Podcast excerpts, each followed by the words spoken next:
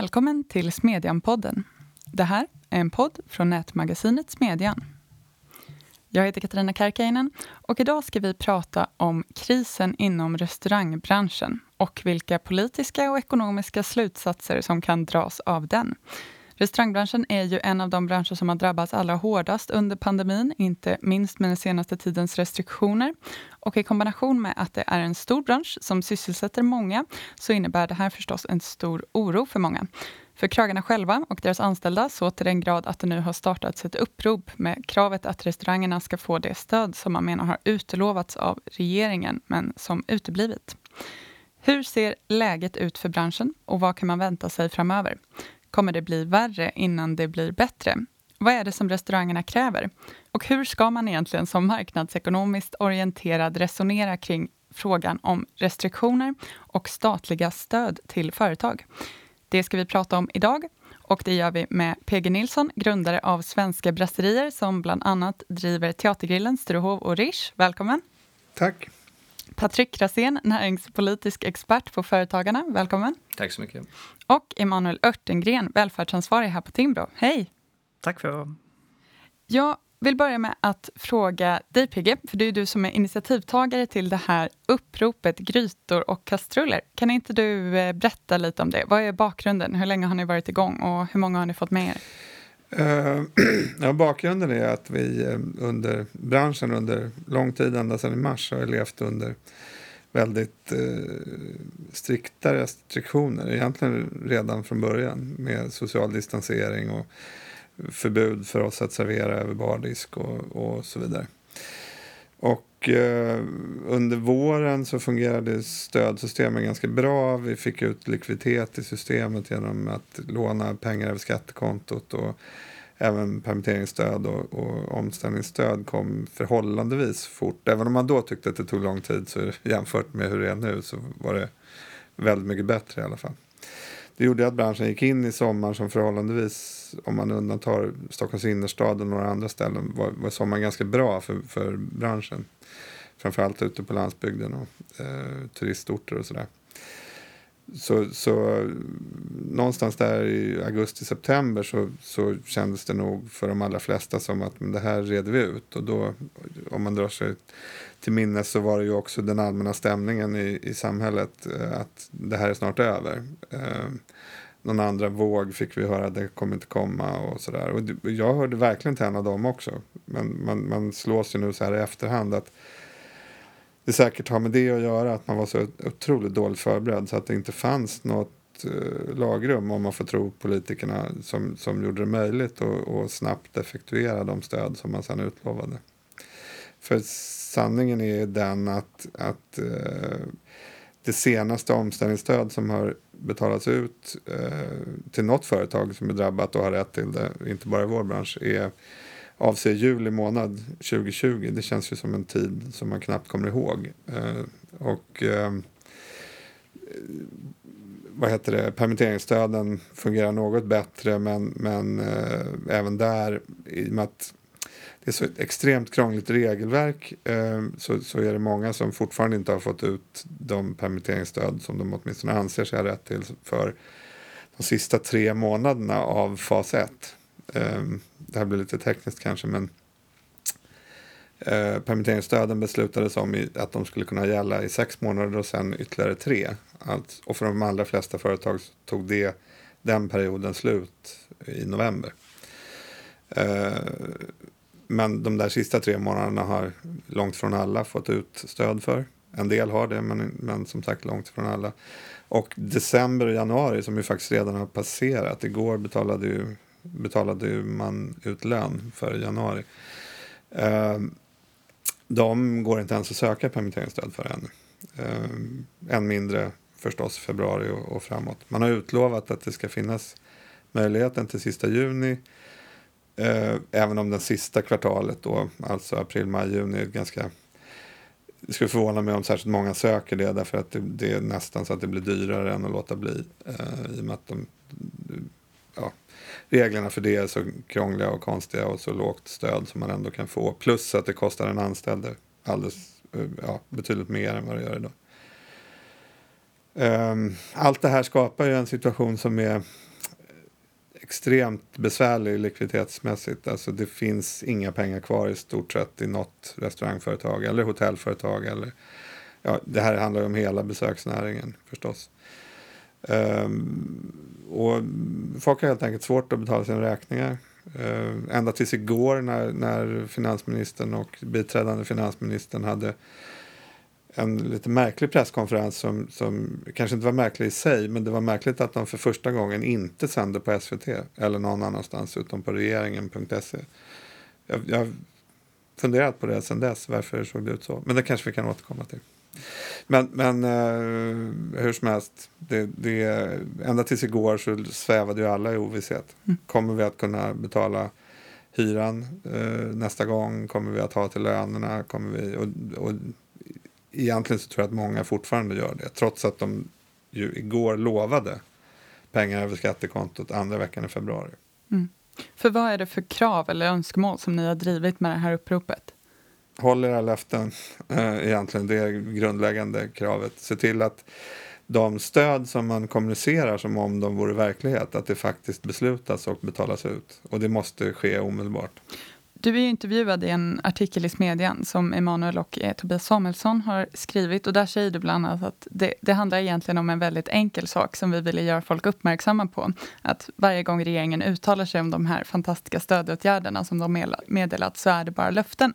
Det har inte betalats ut några pengar.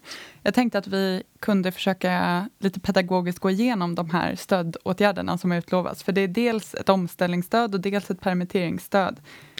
Vem känner sig manad Eh, jag svarar gärna. Jag har jobbat med de här frågorna väldigt intensivt sen i mars. Då var ju småföretagen generellt väldigt mycket i fokus för att det är de som ofta har lägst likviditet och som drabbas när en sån här kris kommer.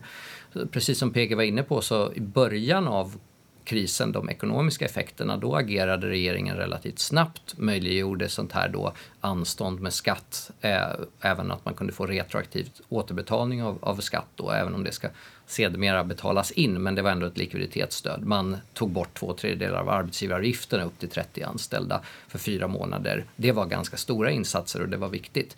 Sen gick stödformerna mer över till sådana här stöd som man skulle söka. Hyresstöd, omställningsstöd och sedermera har man också infört ett omsättningsstöd för enskilda näringsidkare. Eh, när regeringen slår sig för bröstet och säger att två eller tre eller hur många hundra miljarder det nu är som man har så att säga skjutit till näringslivet, då får man komma ihåg att då blandar man in olika typer av stödformer. Till exempel de eh, lånegarantier som har ställts ut och gjorts möjliga genom Företagsakuten och Almi, det är ju lån. Anstånd med skatt som man nu kommer att kunna eh, söka för fler månader för 2020 och även skjuta upp befintliga anstånd ytterligare ett år. Det är ju just anstånd, det vill säga att man får eh, ett uppskov med att betala in de skatterna men det belöper ränta på det anståndet och det måste slutligt betalas in. Kan ett företag inte betala in skatten så måste det i princip försättas i konkurs. Annars kan till och med de företrädarna för bolaget riskera att bli personligt betalningsansvariga. Så det är inte egentligen stöd. Sen har man det här permitteringsstödet då för korttidsarbete eh, som kallas för ett stöd till näringslivet. Men i realiteten så går det till lönekostnader för de permitterade anställda. Bolagen är bara en sluss så att säga. Man får inte eh, söka det och sen använda det till andra investeringar. Det kan man ju förstås göra i ett bolag om man har ett överskott. Men man får ju inte dela ut pengar och om man använder permitteringsstödet till något annat än lönerna, då måste man ju kunna betala de där lönerna eller så måste man börja varsla sina anställda. Så egentligen är permitteringsstödet från statens sida ett sätt att skjuta upp varsel och se till att a-kassekostnaderna inte skjuter i höjden. De enda egentliga stöden som jag ser det är just omställningsstödet och i viss mån hyresstödet, även om det då går till hyresvärden om man sänker hyran. Och då kan man lägga ihop då de eh, faktiska kontantstöd som har eh, betalats ut Eh, och det här, de här siffrorna är från finansministerns egen eh, redovisning på presskonferensen. Det är ungefär 35 miljarder. 28 av de miljarderna är de här sänkta arbetsgivaravgifterna från i våras och egenavgifterna, det vill säga pengar som fick stanna kvar i bolagen. De eh, resterande sådana man måste aktivt söka, det är ungefär 7,3-7,4 miljarder som har betalats ut än så länge av omställningsstöd, omsättningsstöd och hyresstöd. Och då ska man komma ihåg att bara omställningsstödet utlovades 39 miljarder när det presenterades 30 april. Eh, så att det är fortfarande bara en spottstyver av de utlovade och utfästa medlen som har betalats ut. Och vad ska man dra för slutsats av det? Jo, vi på Företagarna och många andra har dragit slutsatsen att då är det för svårt att få de här pengarna. Då ska man inte gå i riktning att förstärka kraven, öka de här trösklarna utan snarare sänka dem och tillgängliggöra de här medlen för fler. För annars riskerar man konkurser och arbetslöshet.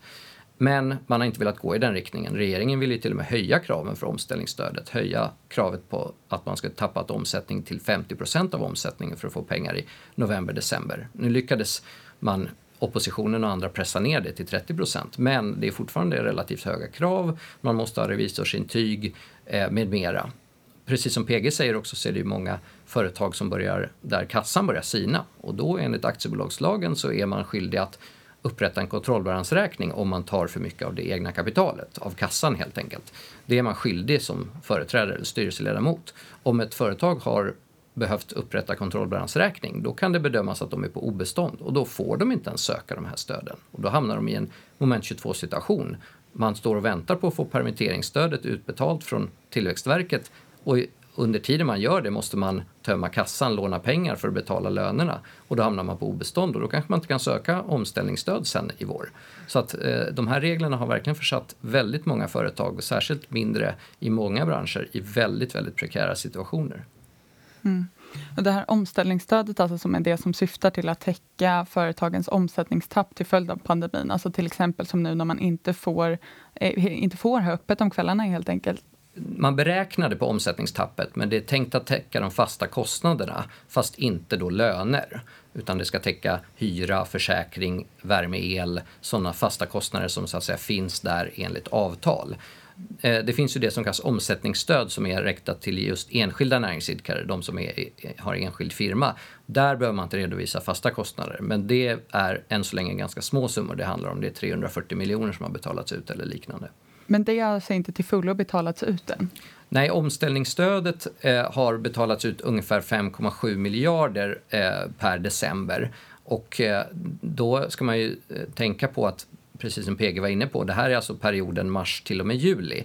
Nu ligger det förslag för riksdagen att man ska förlänga det här för augusti till december och eh, regeringen har också tillsammans med samarbetspartierna aviserat att man vill förlänga det januari, februari. Det är troligt att det kanske kommer förlängas ytterligare månader, men varje förlängningsperiod måste tas som ett nytt ärende och man får också komma ihåg att stödet betalas ut i efterhand. Det vill säga att man kan inte söka stöd för januari, februari förrän allra tidigast första mars. Och då är det snabbt marscherat om de ska få den lagstiftningen på plats. Men man kan ju hoppas. Så vad riskerar att bli konsekvenserna då, om de här svårigheterna och dröjsmålet fortsätter? Kan vi vänta oss fler konkurser? Ja, jag skulle säga att vi har väl varit lite förvånade att det inte varit fler konkurser egentligen. Vi, på så sätt så har väl stödet fungerat för många företag, särskilt permitteringsstödet. Men man kan ju inte gå och bara så att säga dra kostnader hur länge som helst utan att ha några intäkter. Och då var det väl så att sommarens intäkter, särskilt inom sådana branscher som såg ut att bli krisdrabbade i våras, turism till exempel och i viss mån restaurang och, och eh, besöksnäring och liknande, hade ändå ganska bra intäkter under sommar, sensommar. Så väldigt mycket är ju osäkert nu. Hur blir det med restriktionerna? Blir det den här ryckigheten i beslut som just restaurangbranschen har varit extremt eh, utsatt för? Kommer man att inrätta någon typ av riktat stöd som man gjort till idrott och kultur, flyg och annat? Det är stor osäkerhet och det mår ingen företagare bra av. Jag tror att eh, det, det, som, det som jag slås av när det gäller just restaurangbranschen eller besöksnäringen är att om man tittar på till exempel eh, data från kortköp som, som banker som, som Swedbank har och tittar på vad, vad är det som människor är ute och lägger pengar på nu, vad, vad konsumerar man egentligen, så ser man att det, det, är ju faktiskt inte så om man tittar på, på ekonomin ur, ur liksom ett brett perspektiv att vi lägger mindre pengar på, på vissa saker utan tvärtom. Så förra året så la eh, konsumenter mer pengar än eh, året dessförinnan på eh, hemelektronik, på inredning eh, och på andra saker där man faktiskt kunde få utlopp för sin, sin eh, konsumtionshunger, eller vad man ska säga. Eh, och det, eh, det, det, det, tror jag att många har missat. att så här, Generellt sett så ligger konsumtionen på en lite lägre nivå än vad den gjorde 2019. Men det gäller inte alla branscher. Och därför så, så menar väl jag att jag tror att man istället för att köra så här stora generella åtgärder så borde regeringen redan i, nu börja fundera på om man kanske ska köra riktade stöd till branscher som, som restaurangbranschen och besöksnäringen eh, till exempel. För att där så är problemet inte att det är så att det inte finns en efterfrågan, för jag tror att det finns en underliggande efterfrågan som kommer att få utlopp igen när eh, pandemin liksom ebbar ut och restriktionerna släpper. Problemet är, nu är ju liksom inte att folk sitter och bara eh, hamstrar på, på massa pengar för att de inte vill konsumera, utan det är restriktionerna som, som sätter käppar i hjulen. Och därför så tror jag, och det, vet, det, är inte, det är jag inte ensam om, utan jag vet att även till exempel Nordeas chefsekonom Annika Winst har börjat prata om att man kanske ska fundera på riktade insatser nu istället för de här stora generella stöden då, som uppenbarligen inte ens kommer många företag som verkligen är i behov till del. Mm. Om man tänker mer liksom långsiktigt ekonomiskt och strukturellt, då, vad skulle kunna bli konsekvenserna? Hur stor arbetslöshet skulle man kunna vänta sig? Det är troligt att den blir långvarig. Om fler restauranger går i konkurs nu, hur svårt är det att bygga upp den här typen av bransch igen?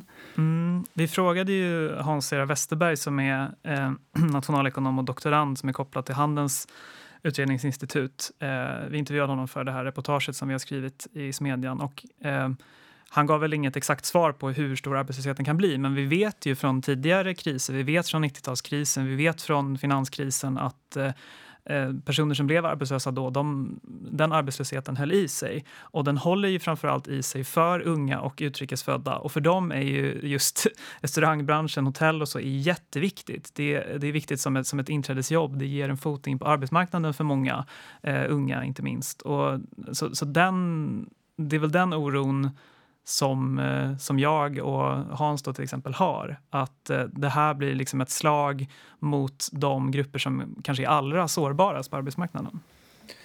Jag tänkte jag kunde kommentera det där med, med konkurser som jag varit ganska få under 2020. Jag fick igår från Visita med vår branschorganisation att eh, de konkurserna under november månad var typ 8% upp från, från föregående år. I december var det 18 eller 19 procent fler än föregående år. I januari hittills är det 61 procent fler än föregående år. Så att det är dramatiskt. Det händer just precis just nu. Mm. Eh, att det har tagit så lång tid beror just på det som vi var inne på tidigare. Att man fick ut ganska mycket likviditet och sommaren var ganska bra så man har liksom kunnat hanka sig fram. Men också många mindre näringsidkare som, som har belånat sina bostäder, till och med sålt fritidshus och, och så vidare. Människor som jag själv har pratat med och träffat som, som verkligen liksom krigar för att överleva. Och jag håller med dig om, Manuel, att, att eh, efterfrågan finns där absolut. Så det är liksom inte en strukturell kris det här, utan det är en, det är en sjukdom som, som eh, vi måste vi måste hjälpas åt att ta hand om på alla sätt och vis. Men, men det är helt självklart att alla måste bidra till, till att minska smittspridningen, tycker jag. Men om alla måste göra det så är det också rimligt att alla, alltså staten, betalar för dem som, som drabbas. Eh, det som jag menar, det följer samma logik som ett försäkringsbolag eller a-kassan eller vad, vad man vill, mm. Eh, kan jag tycka. Och en annan sak som jag tycker gör att just restaurangbranschen sticker ut om man jämför med andra branscher, det är ju just att men, ni påverkas på ett annat sätt än ett eh, företag som är liksom inom industrin i liksom, de regler som ni måste förhålla er till eh, och de påbud som kommer från staten vad gäller till exempel antalet personer som man får ha runt ett bord eller eh, alkoholförbudet för den delen. Och det är ju, som, som jag har förstått det, så kommer den typiska restauranggästen in någon gång runt, alltså i vanliga fall då, in runt halv åtta mm. eh, och tar två rätter, två glas vin, kanske en kaffe och är klara vid tio, halv elva. Mm. Eh, och det, och om, om den om den typiska restauranggästen då försvinner och det är den stora intäktskällan eh, och det är den det intäktsbortfallet går att härleda direkt till de statliga restriktionerna, mm. då är staten skyldig att ersätta eh, er för det. Det, det. det tycker jag. Jag tycker att det här är liksom en annan eh, sorts kompensation än de här generella stöden som, som Patrik pratade om som syftar främst till att liksom se till så att eh, en massa anställda inte behöver eh, sägas upp eh, på en gång. Utan det här är ju frågan om... om eh, ja, men I praktiken är det ju ett näringsförbud eller en väldigt, väldigt kraftig näringsbegränsning. Eh, och, och, det är staten som, som har makten att, att ålägga restauranger det och då är det staten som är skyldig att eh, komma med den ersättningen också. Ja, men eh, det finns ju olika saker som vi har kallat lite sammantaget för restriktioner och här i ligger en del av problemet. För att låt säga de rekommendationer om att jobba hemma och eh, hålla avstånd och sånt som man började med i våras. Det är klart det drabbade många restauranger, speciellt de som lever på lunch. Mm. Plötsligt alla som brukade komma varje dag i princip kommer en dag i veckan. Mm. Men det kunde man inte säga berodde på ett statligt beslut. Det var en rekommendation och därmed kunde man inte heller hävda att det var någonting liknande ett näringsförbud eller expropriation. Sen kom det som var lite mer hårdhänt där man talade om kanske eh, var får man servera, hur måste man förhålla sig vid in och utpassage, eh, hur många får det vara vid varje bord etc. Men det var ju fortfarande någonting som inte innebar en direkt stängning. Det var ju begränsningar i möjligheten att bedriva verksamheten. Sen har det kommit det här med servering av alkohol som är en ytterligare förlängning av det förstås eh, och påverkar regler för när man får stänga etc. Men sen det, det yttersta kommer ju i och med pandemilagen där staten i olika former, antingen regering, myndighet, länsstyrelse, kommun, kan faktiskt besluta om olika typer av nedstängningar. Och då hamnar man närmare det som har funnits i andra länder som har haft faktiska nedstängningar, där man har haft stöd kopplade till faktiska legala eh, begränsningar av möjligheten att bedriva sin verksamhet som kan bli då eh, till och med hundraprocentig. Där upplevde vi från företagarnas sida att där gick man över till en annan, då var det inte en gradskillnad utan en artskillnad. De här andra stöden, omställningsstöd med mera, handlade om att parera nedgångar i omsättning som hade från början i alla fall väldigt mycket med beteendeförändringar att göra. Mm. Men när staten kommer in och säger nu kan vi stänga din restaurang eller för den delen alla gallerier i Sverige, för mm. det ger pandemilagen möjlighet till i yttersta fall, ja då har staten en helt annan skyldighet att eh, ersätta enligt alla rimliga rättsprinciper, de som man stänger från en dag till en annan och ersätta deras fasta kostnader. Men det blir ett svårare case att säga att på grund av beteendeförändringar, till exempel att folk reser mindre, att folk äter mindre ute, att folk går och klipper sig eh, i mindre utsträckning och så, att det skulle eh, ge skäl till omfattande stöd till alla de som har påverkats på så sätt. Hur tycker ni andra att man borde resonera kring den här bredare frågan om företagsstöd i sådana här situationer? Om man då tänker sig premissen att man är hyfsat marknadsorienterad. Mm. Jag tänker ändå att det finns vissa liksom, ideologiska och ekonomiska avvägningar. De här stöden som vi pratar om nu är ju, som Patrik är inne på, rätt uppenbart till för att kompensera för politiska hinder för verksamheter. Men finns det liksom gråzoner kopplat till det också? Tillfällen kanske då man riskerar att hejda kreativ förstörelse? Finns det gränser även mm. för vad som är rimlig omfattning? Men jag, jag tror att det blir ju, vad gäller de här generella stöden, alltså vad gäller permitteringarna då till exempel, så blir det ju svårare, tycker jag, att försvara dem Eh, ju längre pandemin pågår. Därför att ju längre pandemin pågår, desto mer eh, anpassar sig människor till det som då är det nya normala. Genom att till exempel, men nu hade vi eh, till, grupper som aldrig har handlat på, på nätet förut, handlar både mat och kläder, inte statsministern då i och för sig, men, men andra handlar på nätet i en, i en utsträckning som inte har varit fallet förut. Och jag tror att butiker eh, runt där vi sitter nu i Stockholm till exempel kommer säkert att stänga ner och vissa av dem kommer inte att komma tillbaka. Så det är ju en kreativ förstörelse som antagligen kommer att vara mer eller mindre permanent.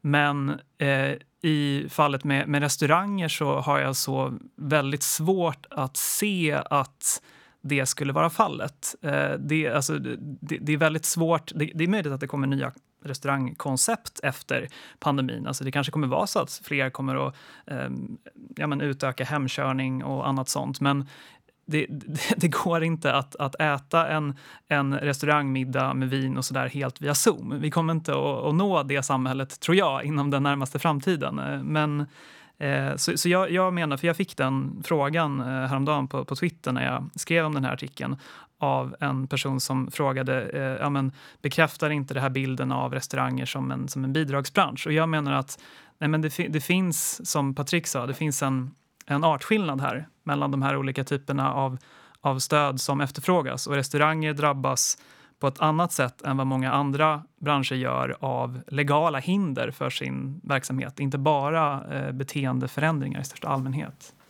Skulle, om jag får komma in där och kommentera kopplat till det här med pandemilagen. Det är ju alldeles på väg hit så var, hade, hade socialministern eh, presskonferens där hon meddelade att man förlänger den tillfälliga eh, smittskyddslagen som bara gäller för restauranger. Eh, vilket i min värld blir lite märkligt därför att det, samtidigt säger hon ju med det att vi kommer inte använda pandemilagen på restauranger.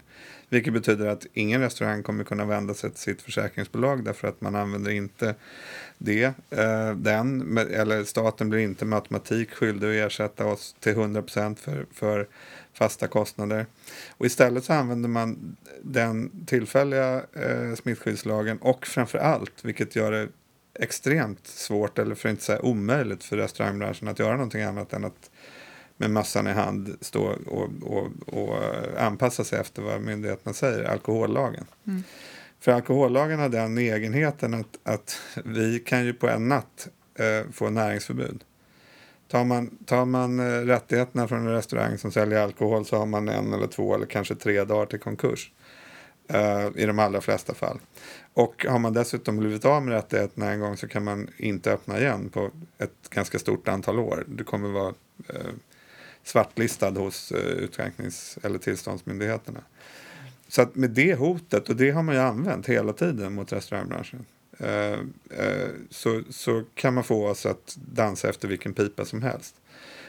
Och det känns såklart jävligt tufft för väldigt, väldigt många ute i, i restaurang-Sverige.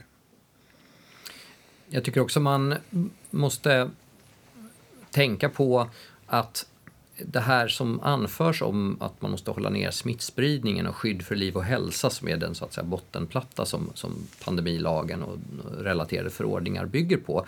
Att det eh, presenteras väldigt lite faktiska eh, empiriska underlag för de åtgärder som, som föreslås. Nu har inte pandemilagen använts men det, det ligger i, i pandemilagens potential att man kan till exempel stänga en av PGs restauranger utan att överhuvudtaget behövt påvisa att det faktiskt har skett någon smittspridning eller ökad smittspridning där. Mm. Eh, utan man tittar på något sätt på ett allmänt läge om smittspridning och kan sedan använda det ganska så riktat mot, mot vissa verksamheter. Och det, där, det där stör mig för det där innebär ju en väldig osäkerhet i speciellt de utpekade verksamheterna. Nu har man gett i uppdrag att man ska från Länsstyrelsen och Folkhälsomyndigheten granska närmare särskilt risk ska säga, riskfyllda verksamheter och, och eh, företag och andra som bedriver någon typ av verksamhet in, inom de områdena. Och då blir det ju det här att man har hela tiden det här hotet hängande över sig.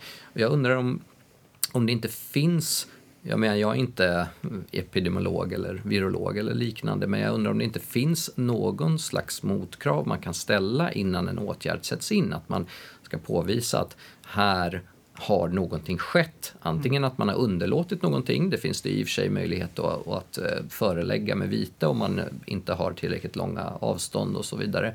Men att, att det måste finnas någon slags kausalt samband mellan en, en smittspridning och en, en insats. För annars kan vi hamna i en situation där stöd finns och jag har redan börjat höra det där lite från regeringen att nu har vi de här stöden på plats och då kan vi förlänga restriktionerna.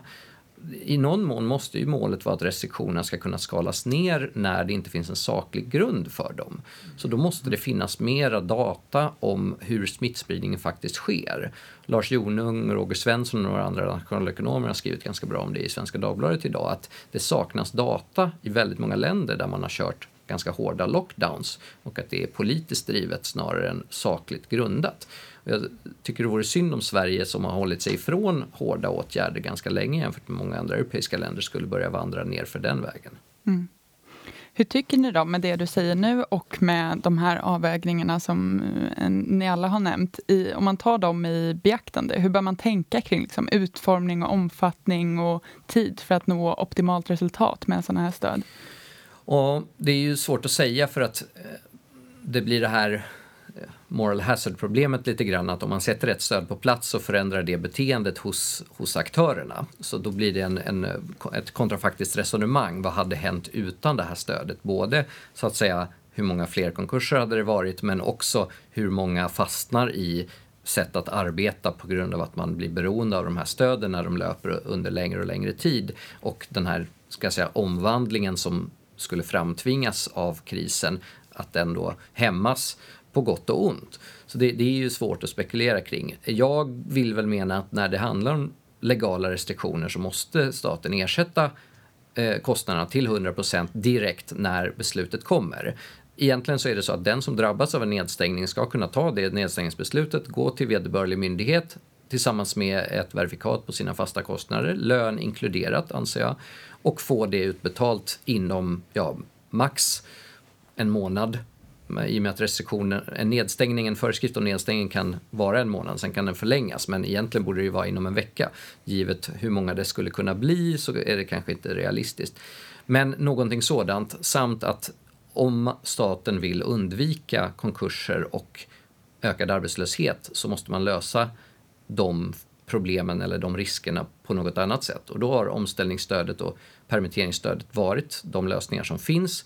Det skulle nog vara knepigt att tänka ut någonting helt nytt utan man får nog i det här läget bygga på dem. Och då handlar det om att ta ner kraven, korta handläggningstiderna, oroa sig inte så mycket för fusk det kan man i så fall åtgärda genom kontroller i efterhand och, och straffskalor och sådant. Utan det ska vara snabbt och enkelt att få de här stöden. För annars så blir ju det, det ofrånkomliga för väldigt många företag att man måste börja varsla, man måste börja ta av kassan och då väntar konkurs och ökad arbetslöshet. Mm. Mm. Men det är svårt att säga exakt omfattning och, och liksom hur långa restriktionerna ska vara. för att som det ser ut nu så, så vet vi ju inte eh, hur... Nu, nu, har vi sett en nedgång i antal eh, inläggningar på sjukhus och nya fall och dödsfall och så i, i covid senaste dagarna i Sverige, vilket är, är positivt. Men, eh, så den frågan kan jag inte ge något bra svar på. Men däremot så, så, så tycker jag att, att A och O här är ju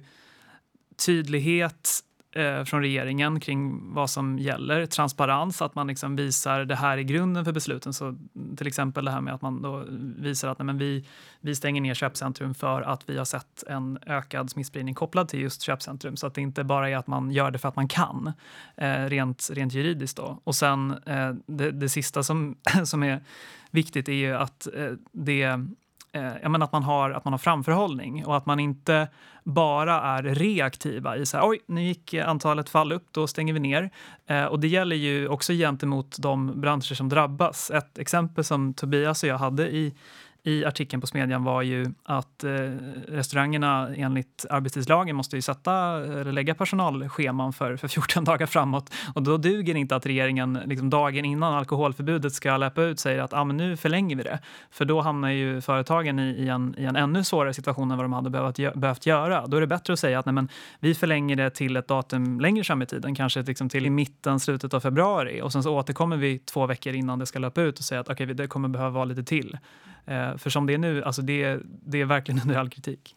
Hur ser det ut i resten av Europa? Ni nämner Tyskland ja, i den här artikeln. Vi, vi nämner ju Tyskland. Eh, jag vet att PG har gjort det i dina Facebook-inlägg också. Mm. Framförallt för att, eh, att handläggningstiderna är kortare och för att stöden, som, som Patrik var inne på, eftersom Tyskland har haft mer av en lockdown eller liksom en riktig nedstängning är ju kopplade till att eh, här är företag som inte kan bedriva verksamhet. Då ersätter vi dem med, jag tror att det är 75 procent av de, de fasta, eller av intäkterna för, eh, en, för samma period förra året. Ehm, och, eh, och handläggningstiden är en månad jämfört med då för permitteringstiden, eller permitteringsstöden i Sverige så är handläggningstiden två månader. Så det kommer ju företagen till del snabbare också. Och det Därför så blir ju regeringens försvar att vi, är så, eh, vi gör vad vi kan och det är många ansökningar. Det blir också lite tandlöst för att uppenbarligen finns det i andra länder som inte är så långt ifrån Sverige som, som lyckas bättre med det här. Mm. Det är ju permitteringsstöden som möjligtvis är två månader, jag skulle säga att de är lite längre. Mm. Men omställningsstöden som ju är viktiga i det här eh, fallet också, är, där är ju handläggningstiden jag höll på att säga oändlig men omöjlig att bedöma ännu. Mm. Och, eh, och det är återigen då, jag tänker tjata om det, sju månader sedan mm. eh, vi ens kunde söka. Mm. Jag, eh. jag, tror själva handläggningstiden är inte så lång, säger Skatteverket. Den är, den är någon vecka, men det är det att de säger att vi väntar på beslut från regeringen. Jag vet, och eh, det, det, det, stämmer. Och det sa ju, det fick jag höra igår också. Och då uttrycker sig finansministern som att om bara ansökan är i sin ordning så går det väldigt fort att få ut pengarna. Och antyder därmed att, att det skulle vara så att restaurangbranschen ett, inte kan fylla i en blankett mm. och två, eh, försöker bedra eh, staten på något sätt. Mm. Vilket ju inte är sant. Eh, och, och, poängen är, och hela tiden varit min poäng, det går inte ens att söka stöden. Mm. Det, det, det är ju det största problemet. Och, och, det betyder att det inte är utbetalt. Mm. Men ja, det finns, det finns mycket att säga om det där. Om man tänker sig då att de här stöden skulle betalas ut nu enligt eh, löftet, hur stora summor skulle det röra sig om totalt för det här stödet just i restaurangbranschen? Och finns det någonting som man kan jämföra med för att få en uppfattning om storleksordningen? Eh, man har ju då för den här förlängningen av eh, omställningsstödet som, som helhet så minns jag inte på rak arm om det var 5 eller 6 miljarder man skjuter till. Man ska ju då man kan ju då jämföra med den här initiala ambitionen om 39 miljarder, 180 000 företag kunde få det när det aviserades, när det först presenterades då i april. Det har ju då blivit ett utfall av utbetalningar till alla företag som har sökt omställningsstöd för eh, de här månaderna eh, mars, april, maj och juni, juli. Så utbetalningarna som har skett fram till december var ju då 5,7 miljarder. Och då är det andra företag i restaurangbranschen också. Det, jag vet inte om eh, det är så att eh, ni eller Visita har tittat på specifikt för eh, restaurangbranschen men det beror ju också på om reglerna för att få omställningsstöd kommer att fortsätta vara som de är med ganska höga trösklar, ganska höga krav och hur lång ansökningstiden blir med mera. Så det är svårt att förutsäga men man har ju då satt av en del pengar för den här förlängda perioden för, för hösten eh, och även januari, februari även om den ansökan eh, öppnar först senare. Mm.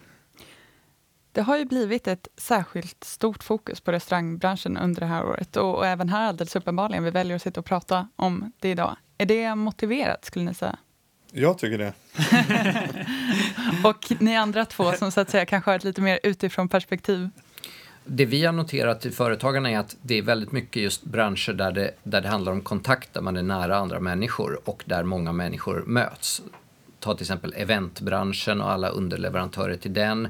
Eh, alla som eh, jobbar inom eh, att leverera till konsertlokaler, idrottsarenor, alla som jobbar med närkontakt i serviceyrken som massageterapeuter och andra. Alltså det, allting där du måste vara ganska nära och där det inte går att sätta upp en plastskiva hur lätt som helst. Mm. De är de som har haft svårast att ställa om. När det handlar om varor, precis som Emanuel var inne på, så att säga, antalet paket som behöver hanteras har ju säkerligen gått upp för att folk beställer mer på nätet. Och det är ju en trend som säkert kommer fortsätta.